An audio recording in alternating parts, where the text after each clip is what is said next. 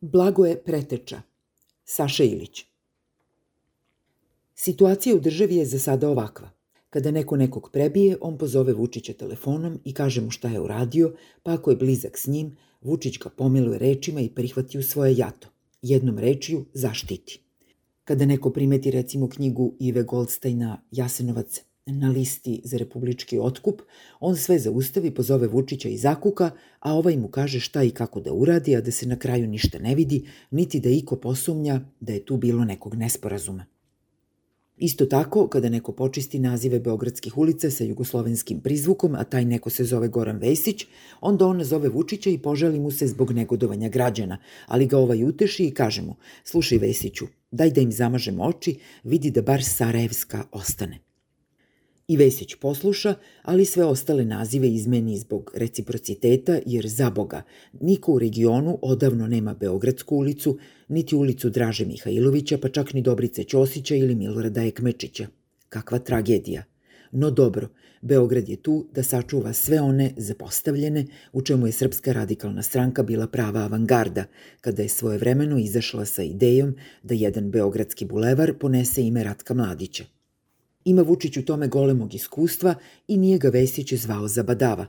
No posle tih konsultacija predsednik je po ko zna koji put ispao pametniji od svog funkcionera, a funkcioner srećan jer je teško breme podelio sa najmoćnijim čovekom u zemlji. Takođe, Vesić je svakako morao da se konsultuje sa Vučićem i oko promene naziva Zagorske ulice u Zemunu, za koju je pala odluka da se promeni i to na najradikalniji način, tako što će poneti ime Četnika i atentatora na Antu Pavelića, izvesnog Blagoja Jovovića, koji je u javnost dospeo preko manastira Donji Ostrog, koji je posetio 1999. godine, celujući ruku mitropolitu Amfilohiju Radoviću i rekavši mu ja sam ubio Antu Pavelića. Jovović se ovim iskazom istog trenutka upisao u večnost, pa ga je mitropolit Amfilohije poveo u manastirsku trpezariju i to njen ikonopisani deo, gde su pod prizorom najvećeg ljudskog greha izdaje uliku Jude Iskariotskog, sa 30 srebrnjaka otvorili novu dimenziju četničkog pokreta koji je počeo sukobima s partizanima i savezom sa nacistima, nastavio se emigrantskim godinama u Argentini, doživeo mitske trenutke u pokušaju atentata na Pavelića u Buenos Airesu 10. aprila 57. da bi se od 91. vratio na velika vrata u domovinu, a sada sa Vesićem i na Beogradske ulice. Taj susret Blagoja Jovovića, 1922-1999. sa mitropolitom Amfilohijem ostaće zabeležen u knjizi Dva metka za Pavelića autora Tihomira Burzanovića, komparatiste iz Podgorice, inače specijaliste za poseban tip žrtvoslovne tematike kao što je genocid nad Srbima o krsnoj slavi u Hercegovini. Već na samom početku knjige o Jovoviću, Burzanović zauzima gotovo srednjovekovnu autorsku poziciju koja garantuje da će on samo beležiti ono što je izgovoreno. Ali opisi ikonopisa i ambijenta otkrivaju već u prvoj rečenici njegovu ideološku optiku.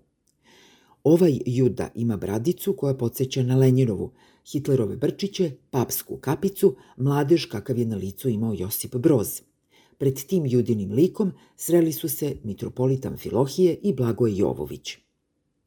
Bilo je dakle očekivano da ispred takve scenografije mitropolit Amfilohije i Jovović kao novi Obilić progovore s onu stranu dobra i zla i da se toj ispovesti obezbedi najbolji mogući tretman, što se na posledku krunisalo odlukom Skupštine grada Beograda o preimenovanju jedne zemunske ulice.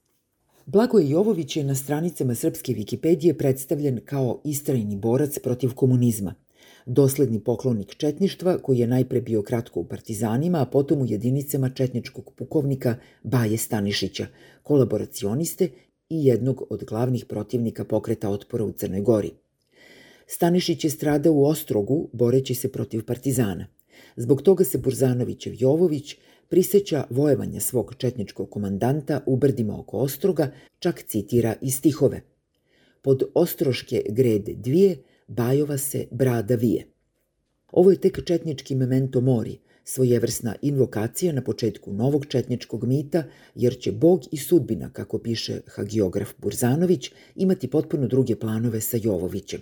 Iste takve planove podržaće i mitropolit Amfilohije, lansirajući ovaj mit iz Ostroga, koji će obe ručke prihvatiti beogradski crnobiserni tabloidi, istoričari ravnogorske provenijencije, kao i izdavači, intelektualci, političari okupljeni oko radikala, naprednjaka, Miloševićevih socijalista, kao i ostalih stranaka desnog spektra – Na kraju, Jovović se našao u agendi zamenika gradonačelnika Beograda Gorana Vesića, koji je dobio zadatak da za ovu mitsku figuru pronađe večno komemorativno mesto u gradskom jezgru prestonice.